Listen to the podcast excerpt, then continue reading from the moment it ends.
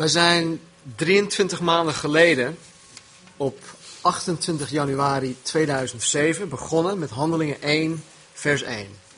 Vorige week heeft Joey Handelingen 28 afgemaakt. We zijn ermee klaar. We hebben in totaal 66 zondagen aan onze studie besteed. En vandaag met deze korte samenvatting wordt dat 67 zondagen. Nou, deze gegevens zijn wel leuk om te weten, maar uiteindelijk heeft deze informatie geen blijvende waarde. want deze feiten voegen niets toe aan ons geestelijk welzijn, aan onze geestelijke groei, aan ons effectiviteit als zijn getuigen.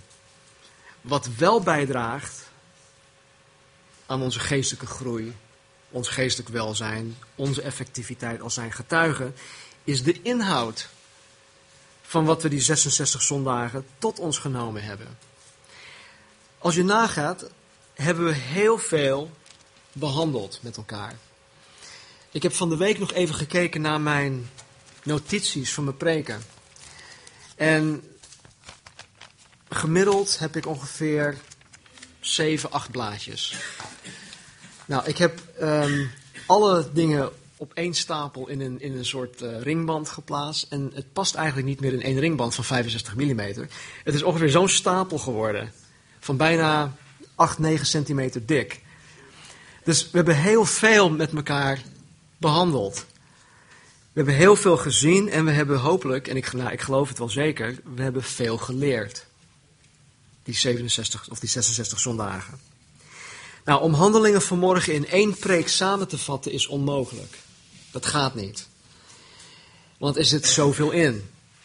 En de verleiding, als je, als je een samenvatting wil maken, de verleiding is groot om te veel zaken te willen noemen. Om te veel gebeurtenissen erbij te halen. Dus het is een gigantische uitdaging om vanmorgen hier voor jullie te staan om handelingen samen te vatten.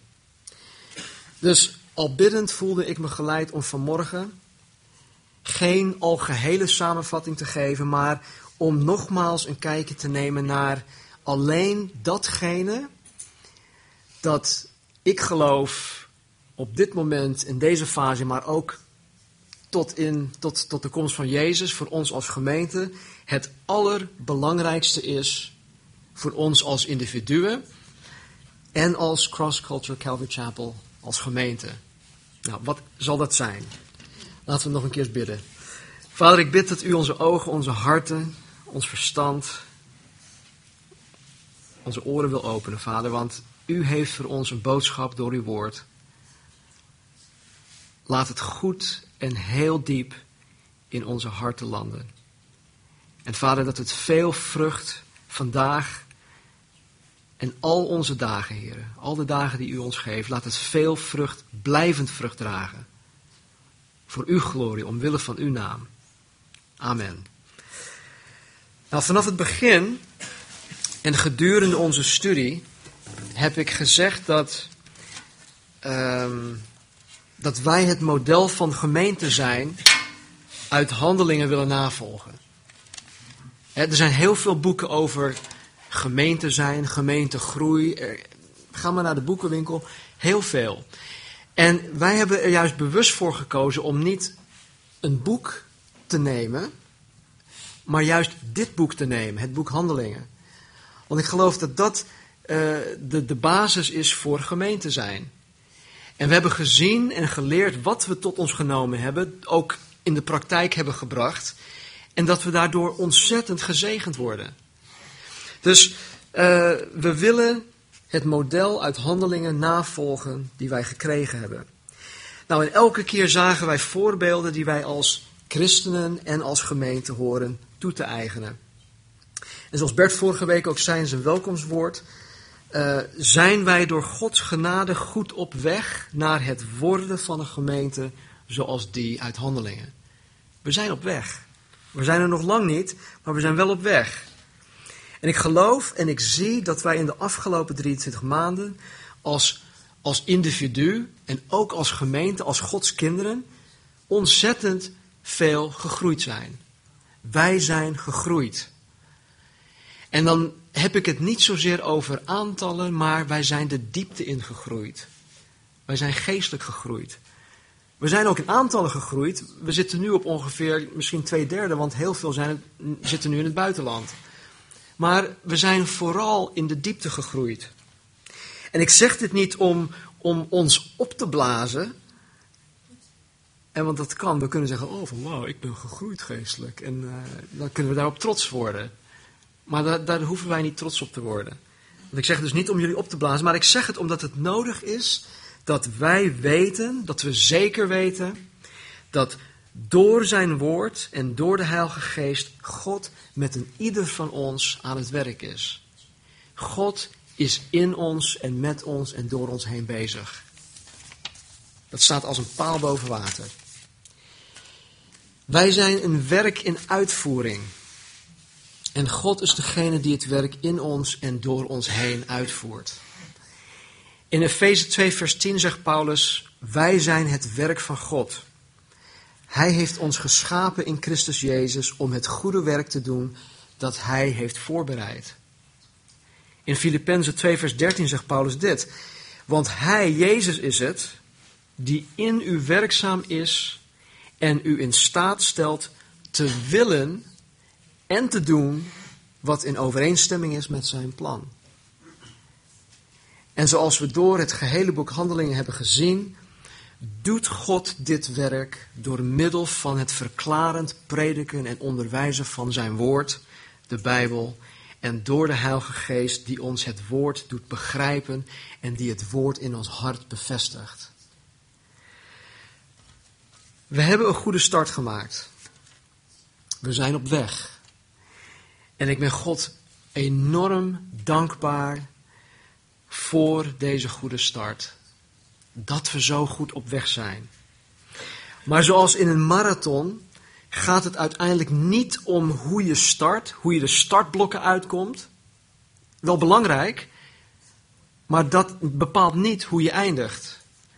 Dus uh, het, is, het gaat uiteindelijk hoe je eindigt. De wedloop, de race.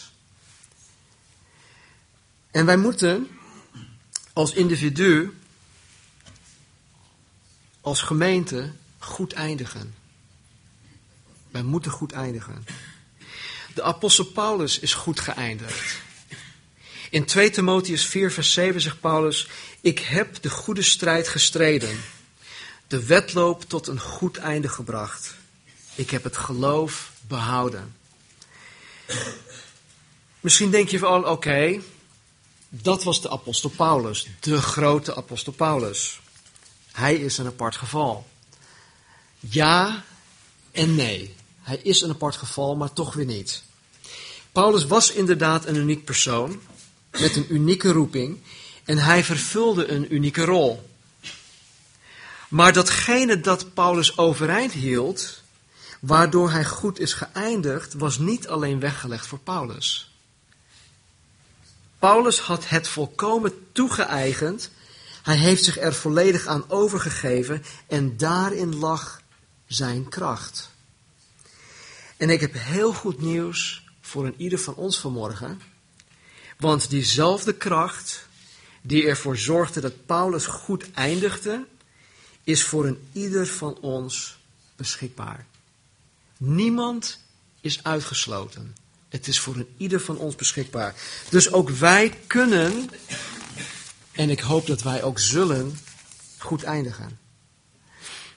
Nou, vorige week eindigden we met Lucas' laatste woorden in Handelingen 28, vers 30 en 31. En Lucas schrijft: En Paulus bleef twee volle jaren in zijn eigen gehuurde woning en ontving allen die naar hem toe kwamen. En hij predikte het koninkrijk van God, gaf onderwijs ten aanzien van de Heer Jezus Christus met alle vrijmoedigheid, ongehinderd. En dat vond ik zo mooi wat Joey vorige week ook zei. Het werk van God, het verbreiden, het, het opbouwen, het, het, het bevestigen van Gods koninkrijk, dat werk gaat ongehinderd door. En wij mogen ons daaraan schikken, aan, aan, aan schikken, aan voegen. Wij mogen met God meedoen om dat werk voort te laten gaan. Nou, laten we onze Bijbels openslaan op Handelingen hoofdstuk 1.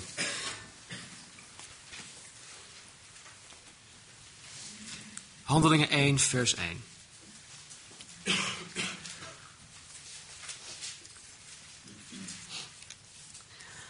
Lucas schrijft: Het eerste boek heb ik gemaakt, o Theophilus, over alles wat Jezus begonnen is te doen en te onderwijzen, tot op de dag waarop hij opgenomen is, nadat hij door de Heilige Geest aan de apostelen, die hij uitverkoren had, opdrachten had gegeven. Hij heeft zichzelf, nadat hij geleden had, ook levend aan hen vertoond, met veel onmiskenbare bewijzen, veertig dagen lang, waarbij hij door hen gezien werd en over de dingen sprak die het koninkrijk van God betreffen. En toen hij met hen samen was, beval hij hun dat zij niet uit Jeruzalem weg zouden gaan, maar de belofte van de Vader zouden verwachten, die u, zei hij, van mij gehoord hebt. Want Johannes doopte wel met water, maar u zult met de Heilige Geest gedoopt worden, niet lang na deze dagen. Zij dan, die samengekomen waren, vroegen hem, Heere, zult u in deze tijd voor Israël het koninkrijk weer oprichten? En Jezus zei tegen hen, het komt u niet toe de tijden of gelegenheden te weten die de Vader in zijn eigen macht gesteld heeft. Maar u zult de kracht van de Heilige Geest ontvangen die over u komen zal. En u zult mijn getuige zijn, zowel in Jeruzalem als in heel Judea, Samaria en tot aan het uiterste van de aarde. Tot zover. Lucas eindigde zijn boek met de ongehinderde voortzetting van de verkondiging van het Koninkrijk van God. Hij begon zijn boek met Jezus, die na zijn opstanding uit de dood het Koninkrijk van God aan velen verkondigde. Dus het boek Handelingen begint en eindigt met de verkondiging van het Koninkrijk van God.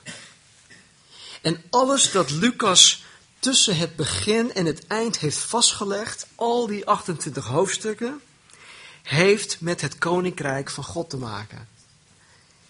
Het verkondigen van het koninkrijk, het vestigen van het koninkrijk, het uitbreiden van en het opbouwen van Gods koninkrijk. Het heeft allemaal met het koninkrijk te maken. En alles waar wij als wedergeboren christen ons mee bezig horen te houden, is het koninkrijk van God. Dat is prioriteit nummer één voor de wedergeboren christen. En alles dat wij hiervoor nodig hebben, is voor een ieder van ons beschikbaar. Niemand is uitgesloten. Het is voor ons allen beschikbaar. Nou, ik wil even focussen op, op, um, op, nou, op twee dingen.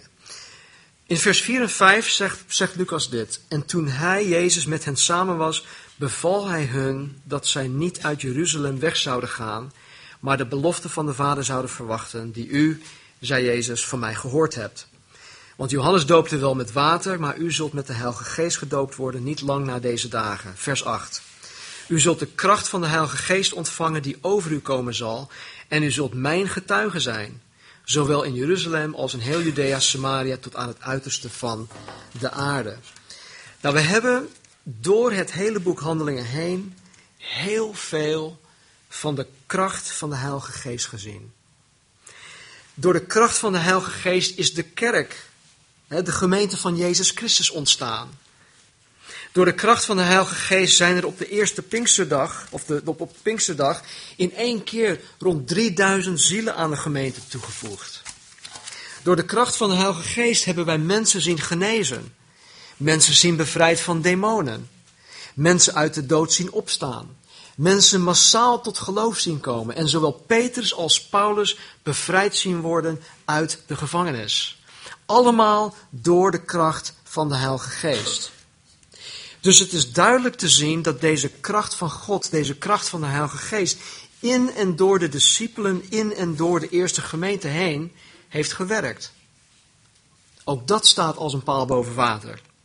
Maar, maar, drieënhalf jaar eerder, drieënhalf jaar voor Handelingen hoofdstuk 1, zagen wij deze kracht ook in en door de discipelen heen werken. Laten we gaan naar Matthäus hoofdstuk 10.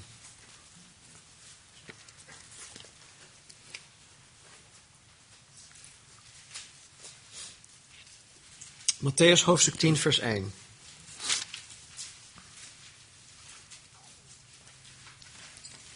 Ik ga hier niet te diep op in, ik wil het alleen aangeven als voorbeeld.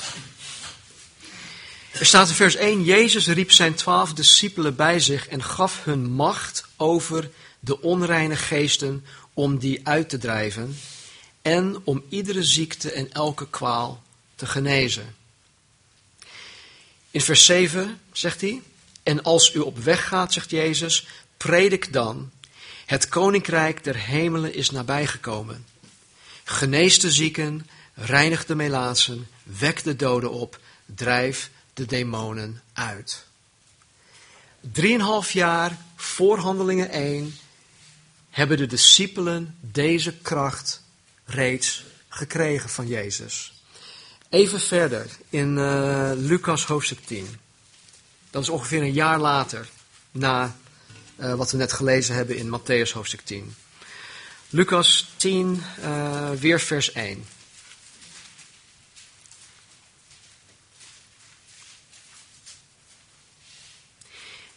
Hierna wees de Heere nog zeventig anderen aan en zond hen twee aan twee voor zijn aangezicht uit naar iedere stad en plaats waar hij komen zou. Vers 9.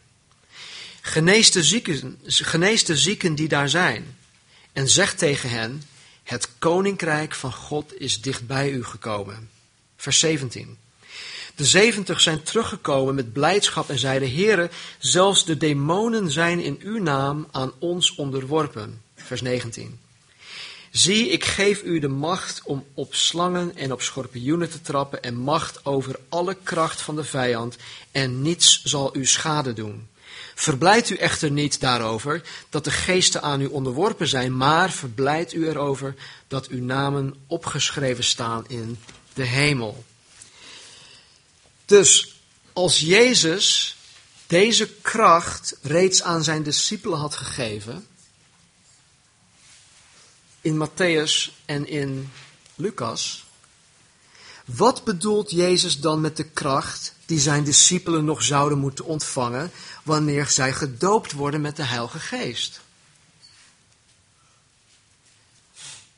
Ze hebben al heel veel kracht gekregen.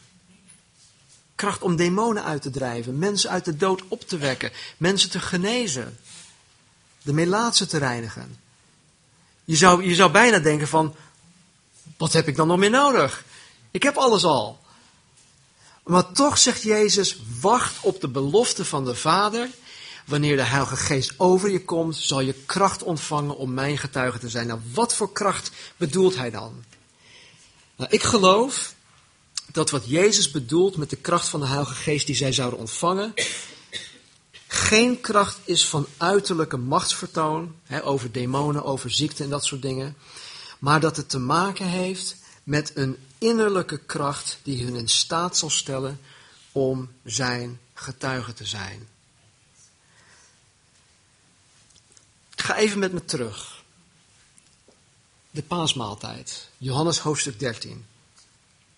Tijdens de paasmaaltijd gaf Jezus zijn, zijn afscheidswoorden aan zijn discipelen, aan zijn inner circle. En een van de dingen die hij aan zijn discipelen meegaf was dit. Johannes 13, vers 34, 35. Een nieuw gebod geef ik u, zegt Jezus, namelijk dat u elkaar lief hebt. Zoals ik u lief gehad heb, moet u ook elkaar lief hebben. Hierdoor zullen allen inzien dat u mijn discipelen bent, als u liefde onder elkaar hebt.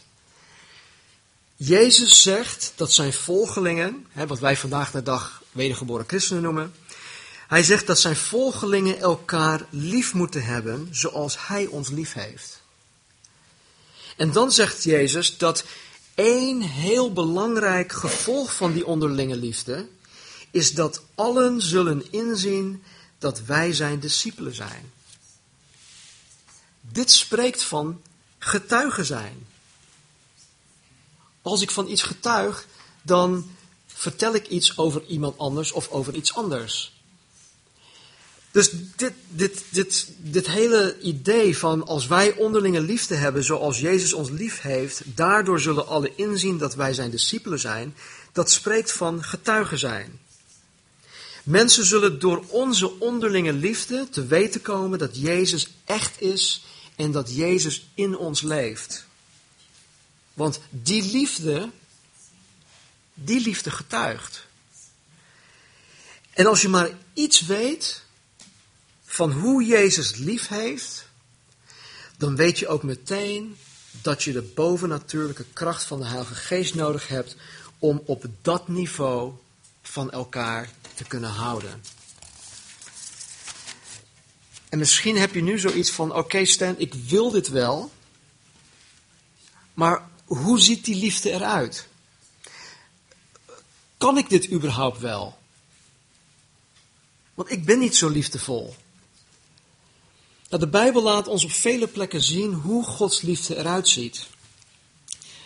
Maar nogmaals, daar kunnen we het heel lang over hebben. Ik wil het vandaag alleen maar tot één aspect van Gods liefde beperken.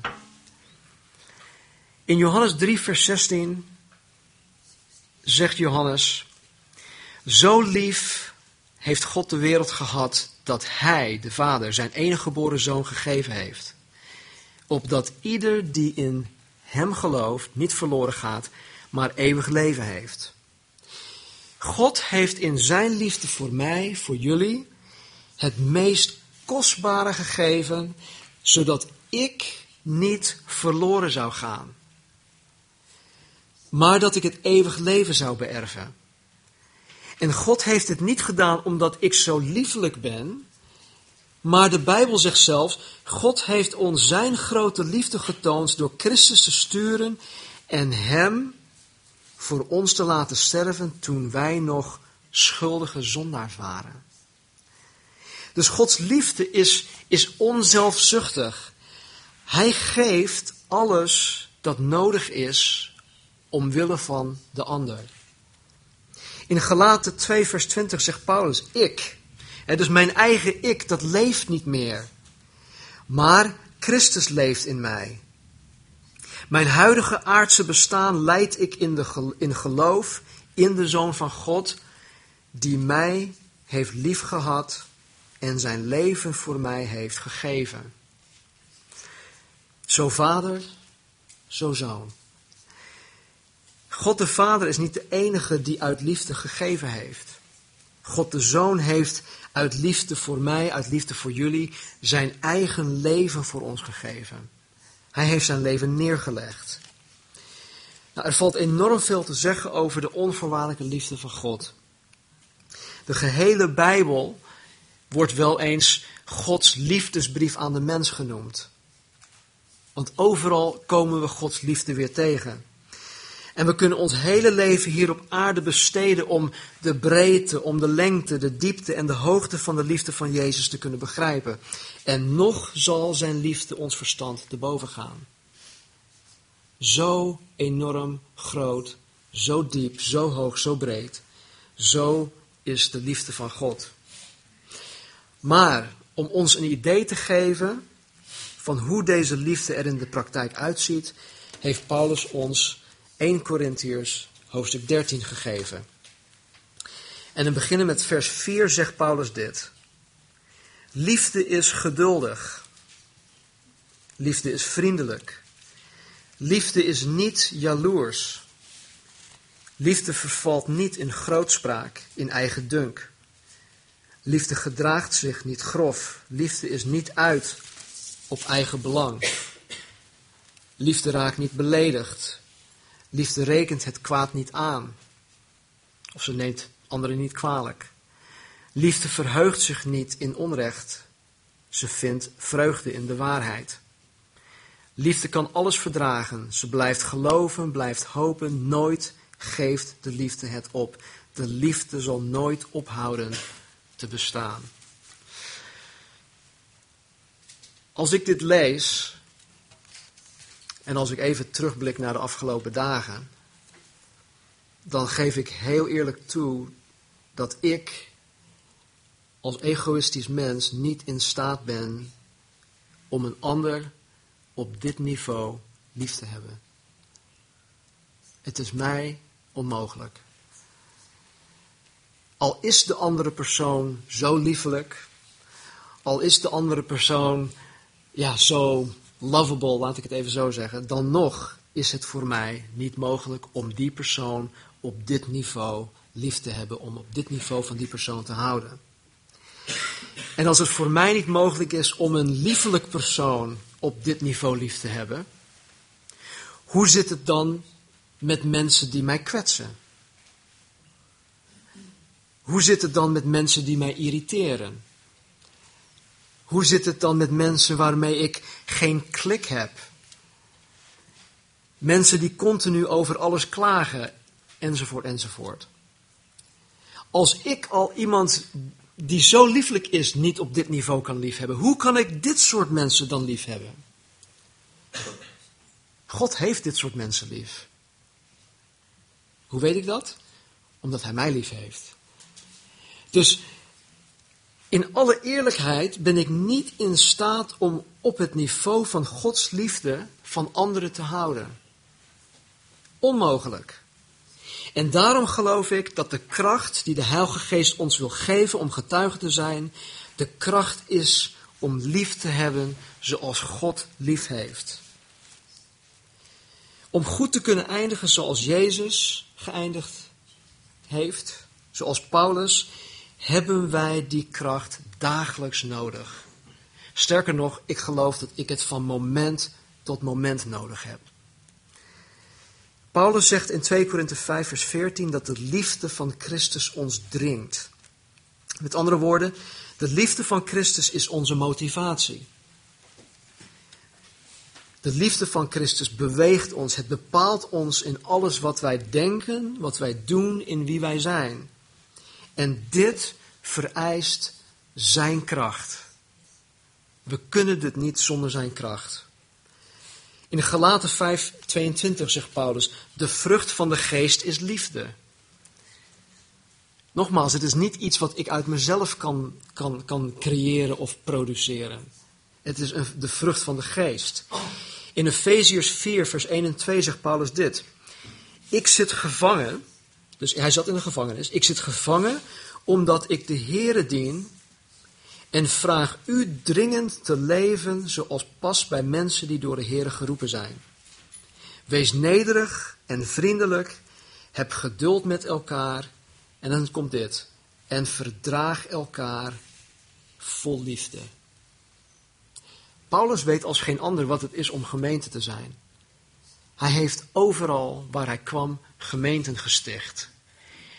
En in veel plekken waren er veel problemen. Dus hij weet als geen ander dat wij elkaar vol liefde horen te verdragen. En niet alleen te verdragen, maar juist proactief in die liefde bezig te zijn. Als je weet dat, dat iemand met iets zit, wacht niet totdat die persoon naar je toe komt. Nee, stap op die persoon af. Bid, Heer, geef me de woorden, geef me de wijsheid, geef me uw liefde. Wees proactief in die liefde. God was, was proactief, hij is proactief. Hij kwam, hij gaf. Hij wachtte niet op ons. Dat lied, hij wachtte niet op mij. Dus wees proactief daarin. 1 Petrus 4, vers 8. Maar heb voor alles vurige liefde voor elkaar want de liefde zal een menigte van zonde bedekken. Ik zal je iets vertellen. In deze gemeente is er zonde. Wisten jullie dat? En de vurige liefde die wij voor elkaar hebben, zal deze zonde bedekken als ik iets zeg of als ik iemand voor zijn hoofd stoot of als ik iets nalaat of iets vergeten ben of whatever, dan kunnen sommige mensen mij dat kwalijk nemen. En dat kan ik goed begrijpen. Maar deze, deze um, aanmoediging van Petrus om vurige liefde voor elkaar te hebben, zal ook mijn tekortkomingen daarin bedekken. Dus ik vraag jullie mensen, heb mij alsjeblieft vurig lief, want ik zal op veel fronten tekortschieten. Ik zal jullie teleur gaan stellen. En als jullie, mij, als jullie niet van mij houden zoals Christus van mij houdt, dan, dan zal ik jullie kwetsen, dan, dan worden jullie boos op me, dan, dan misschien zeg je van joh, ik heb het helemaal gehad met Stan. En andersom misschien ook. En het is die liefde, die vurige liefde die wij voor elkaar horen te hebben, dat bedekt al deze dingen. In 1 Timotheus 4, vers 12 zegt Paulus dit. Dit is voor jullie jongeren vooral. Laat niemand u minachten vanwege uw jeugdige leeftijd. Maar wees een voorbeeld voor de gelovigen in woord, in wandel, in liefde, in de geest, in geloof en in de reinheid. Wees een voorbeeld voor de gelovigen in liefde. Dus jongeren kunnen ook een voorbeeld zijn voor anderen. En in 1 Korinthe, hoofdstuk 16, vers 14, zegt Paulus dit. Wat u ook doet, doe het in liefde. Maakt niet uit wat het is. Opzetten, microfoontjes rechtzetten. Als je weet dat ik de microfoon zus en zo wil hebben, uit liefde voor mij, doe het dan zo. doe alles in en door de liefde. Het zal, je, het zal je, je, je, je, je, je kijk op dingen, het zal je, je hartsgesteldheid, het zal je humeur echt goed doen.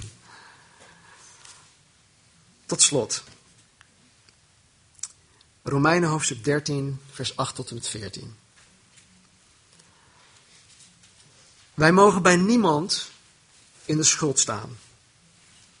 Maar één ding blijven we elkaar schuldig. En dat is de liefde. Wie zijn medemens lief heeft, voldoet daarmee aan de wetten van God. Alle voorschriften die God aan Mozes heeft gegeven, zoals u zult trouw zijn in uw huwelijk, niet moorden, stelen of verlangen naar iets dat van een ander is, worden in dit ene gebod vervuld. U moet de ander lief hebben als uzelf. Wie van zijn medemens houdt, doet hem geen kwaad. Als er werkelijk liefde is, worden de andere voorschriften overbodig. U moet niet vergeten in wat voor tijd wij leven. Het is tijd om wakker te worden. Sta op. Onze bevrijding is veel dichterbij dan toen wij pas gelovig werden. De nacht is bijna voorbij, dan breekt de dag aan. Houd dus op met wat het daglicht niet kan verdragen. Doe voortaan alleen maar wat gezien mag worden. Leef zuiver, zoals het hoort. Doe niet mee aan allerlei uitspattingen, waarbij eten, drank en seks centraal staan.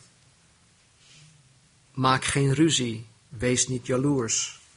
Laat uw leven beheerst worden door de Heer Jezus Christus en geef niet toe aan verkeerde verlangens die in u opkomen.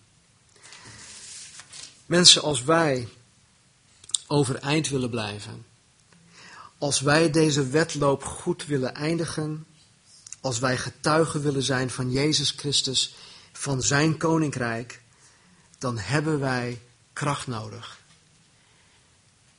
En nogmaals, niet zozeer de kracht om mensen uit de dood op te laten staan, de, de, de zieken te genezen, de, de melaatsen te reinigen, demonen uit te drijven. Deze dingen zijn allemaal niet verkeerd. Begrijp me, goed. Maar dat is niet de kracht die wij nodig hebben om goed te kunnen eindigen. De liefde houdt nooit op. We hebben zijn kracht nodig. Laten we bidden. Vader, ik dank u voor uw woord. Ik dank u voor het boek Handelingen. Ik dank u, Vader, dat u ons zoveel heeft geleerd de afgelopen 23 maanden. Ik dank u, Vader, dat u mij vanmorgen ook weer heeft bepaald door uw woord. En Heer, dat u mij ook weer laat inzien dat ik ja, uw kracht echt nodig heb, Vader. Deze kracht om lief te hebben. Vader, volgende week beginnen we met, of pakken we de draad weer op met onze studie over het huwelijk. Dan gaan we de rol van de man behandelen. Mannen, heb uw vrouwen lief zoals Christus de gemeente lief heeft. Vader, ik durf die studie bijna niet te geven. Want ik weet, Heer, dat ik daarin enorm tekort schiet. En Heer, ik heb uw kracht nodig. Ik heb uw liefde nodig. Vader, help mij, help een ieder van ons, heren. Heren, geef ons kracht. En heren, zoals Jezus zei, Johannes de doper doopte met water, maar u zult gedoopt worden met de Heilige Geest. Heren, wij hebben die doop nodig. En heren, hoe wij er theologisch ook in staan. Het feit blijft, heren, dat wij zonder de doop van de geest, zonder vervuld te zijn van uw geest, zonder de kracht van de Heilige Geest die over ons komt, zullen wij niet goed eindigen.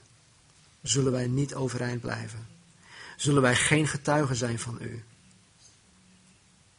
Dus heren, als we voor morgen twijfelen of we nu wel of niet vervuld zijn of gedoopt zijn met uw geest, heren, geef ons vanmorgen die zekerheid.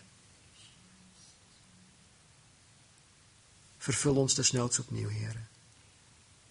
Want we hebben de vervulling van uw geest dagelijks nodig, heren, van moment tot moment. Want heren, als we niet vol zijn van u, dan zijn we vol van iets anders. En heren, we horen vol te zijn van u. Heer, ik bid voor het nieuwjaar. Heer, misschien zijn er mensen vanmorgen die toe zijn aan een nieuwe start. Heer, misschien een nieuwe commitment te geven aan u. Vader, spreek tot hun harten. Laat hun vanmorgen ook hun hart misschien in vernieuwing aan u geven. Heer, dat waar ze het afgelopen jaar krachteloos het christelijk leven door zijn gegaan. Heren, dat ze het komend jaar vol kracht, vol vuur, vol vurig liefde voor u en voor elkaar het nieuwjaar zullen doorgaan. Dus heren, help, help ons.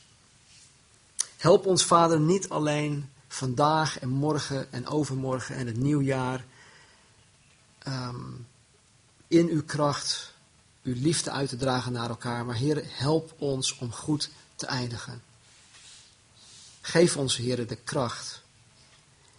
Help ons, Heer, degene lief te hebben die ons irriteren. Heren, die ons gekwetst hebben in het verleden, of misschien die ons nu nog kwetsen, Vader. Geef ons uw liefde om hen te vergeven, om hersteld te zijn, herenigd te zijn met die mensen.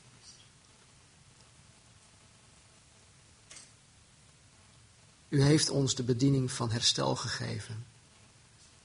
Help ons, Heer, om die toe te eigenen en uit te delen. O Heer, help ons. Heer, we hebben u zo hard nodig. Vader, zegen in ieder vanmorgen. Vul ons met uw liefde. Zoals Paulus ook zegt, Heer, dat de liefde in ons hart is uitgestort door de Heilige Geest. Heer, stort uw liefde opnieuw uit vanmorgen. Heer, we staan voor u, Heer, open. Geef ons, Heer, uw onvoorwaardelijke liefde. Zodat allen, Vader, allen zullen zien dat wij daadwerkelijk uw discipelen zijn. Dat we bij u horen, Jezus. Geef het ons, Heer, tot overvloed. Dank u wel. En laat stromen van levend water, Heer, uit ons binnenste naar elkaar toe vloeien. En naar deze, deze eenzame en verloren wereld om ons heen.